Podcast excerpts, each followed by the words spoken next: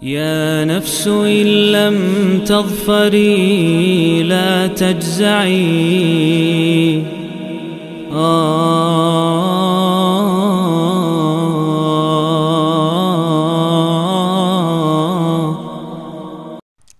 بسم الله الحمد لله والصلاة والسلام على رسول الله أما بعد Masih bersama serial 114 hari menyambut bulan Ramadan.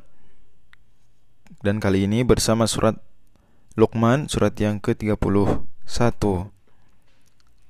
Surat Makkiyah ini turun setelah surat As-Saffat Dan sebelum surat Saba Terdiri dari 34 ayat Memang surat ini dinamai dengan Luqman karena mengisahkan kisah seorang yang soleh, seorang yang para ulama memang mendiskusikan apakah beliau nabi atau tidak.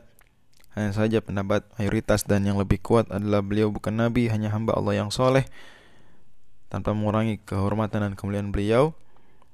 Allah ceritakan Luqman yang juga berjuluk Al-Hakim yang sangat bijak ini mulai dari ayat 12 eh, dan terus seterusnya sampai ayat ke-19. Dan nama surat Luqman ini memang mencerminkan tema besar dari surat ini.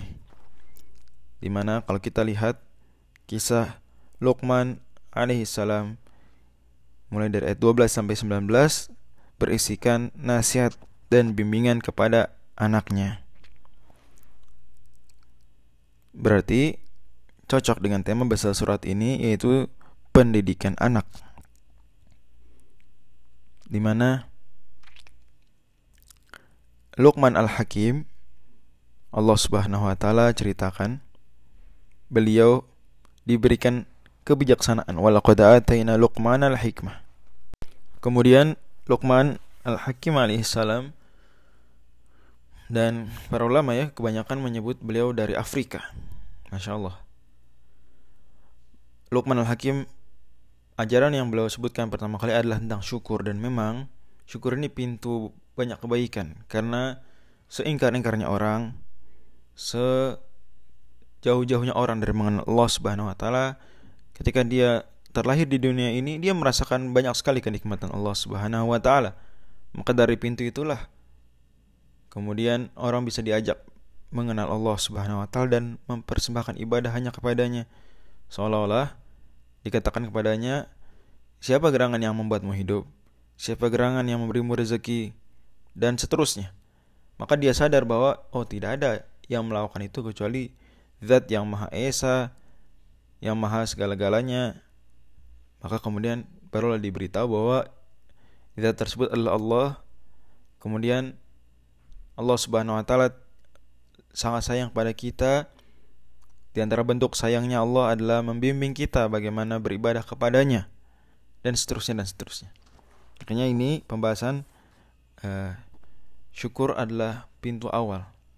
Kemudian Luqman kata Allah Subhanahu wa taala masih menasihati anaknya wa idz wa huwa. Penting sekali seorang ayah diskusi dengan anaknya.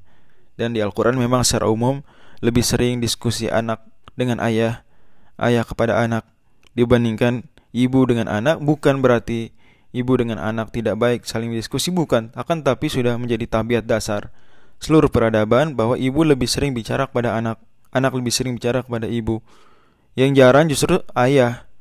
Karena itu Al-Qur'an menekankan yang jarang tersebut. Adapun yang sudah menjadi keumuman maka ada isyaratnya, ada anjurannya tetapi tidak sesering itu ditekankan. Dan ini salah satu ciri khas ajaran-ajaran dalam Al-Qur'an.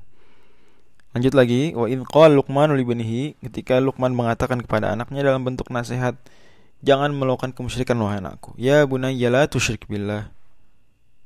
Berarti ini poin besar kedua setelah syukur adalah tauhid agar jangan melakukan kemusyrikan.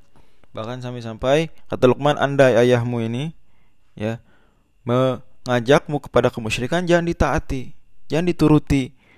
Tapi tetap Jangan sampai melakukan durhaka kepada orang tua.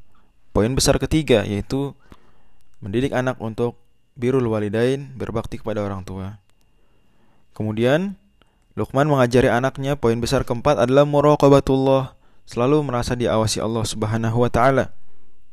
Ya bunayya innaha intaku mithqala habbatin min khurdalin fatakun fi sakhratin aw fis samawati aw fil ardi yati biha Allah Maha mengetahui sampai yang sekecil-kecil. Anda ada biji sawi, ada dalam batu sekalipun, batu tersebut di langit ataupun di dalam bumi, Allah tahu. Poin besar yang kelima adalah tentang mendirikan sholat. Poin besar keenam adalah tentang amar ma'ruf nahi mungkar. Poin besar ketujuh adalah tentang bersabar. Tidak hanya syukur, tapi sabar juga. Hanya saja memang syukur ini pintu awal. Sabar itu seringnya justru setelah banyak melakukan aktivitas kesyukuran dalam bentuk tauhid, amal soleh, amal ma'ruf nahi mungkar. Ah itu biasanya butuh sabar. Kemudian poin besar yang ke-8 adalah berakhlak mulia. Tidak sombong. Ya menjaga suara agar rendah hati uh, dan seterusnya. Nah, di antara yang menekankan tema besar surat ini tidak hanya kisah Luqman, tapi juga bagian awal suratnya dan bagian akhir surat ini. Yang memang surat ini hanya empat halaman. Di mana Allah Subhanahu wa taala menyebutkan di awal surat tentang ciri-ciri orang yang muhsinin, orang berbuat ihsan. Kemudian Allah Subhanahu wa taala sebutkan juga bahwa mereka menjauhi hal-hal yang melalaikan di ayat yang ke-6, ayat yang ke-7. Kemudian Allah Subhanahu wa taala sebutkan juga bahwa mereka itu memperhatikan alam semesta, keindahannya, Allah menciptakannya. Dan di bagian tengah dan akhir surat Allah Subhanahu wa taala sebutkan juga beberapa ayat yang seolah-olah menghibur orang tua kalau anaknya tidak menuruti didikannya. Allah firmankan di ayat 23 wa man kafara fala yahzunka kufru. Kalau ada yang ingkar, Jangan sampai membuatmu sedih. Keingkaran seperti itu jangan berlebihan sedihnya. Pada akhirnya semua orang bertanggung jawab masing-masing. Kalau engkau sudah berusaha wahai orang tua, tanggung jawabnya sudah selesai. Di ayat 33 Allah tekankan lagi bahwa orang tua dan anak tidak bisa saling menolong kalau memang tidak Allah Subhanahu wa taala izinkan dalam konteks syafaat misalnya. Itu pun ada aturannya, ada syaratnya. Allah firmankan di ayat 33 Wakhshaw yawman la yajzi walidun an waladihi wala mauludun huwa jazin an walidihi syai'a. Nah, surat Luqman juga pernah Nabi SAW dalam sebuah hadis diriwayatkan Imam Ibnu Majah membaca surat ini di waktu zuhur.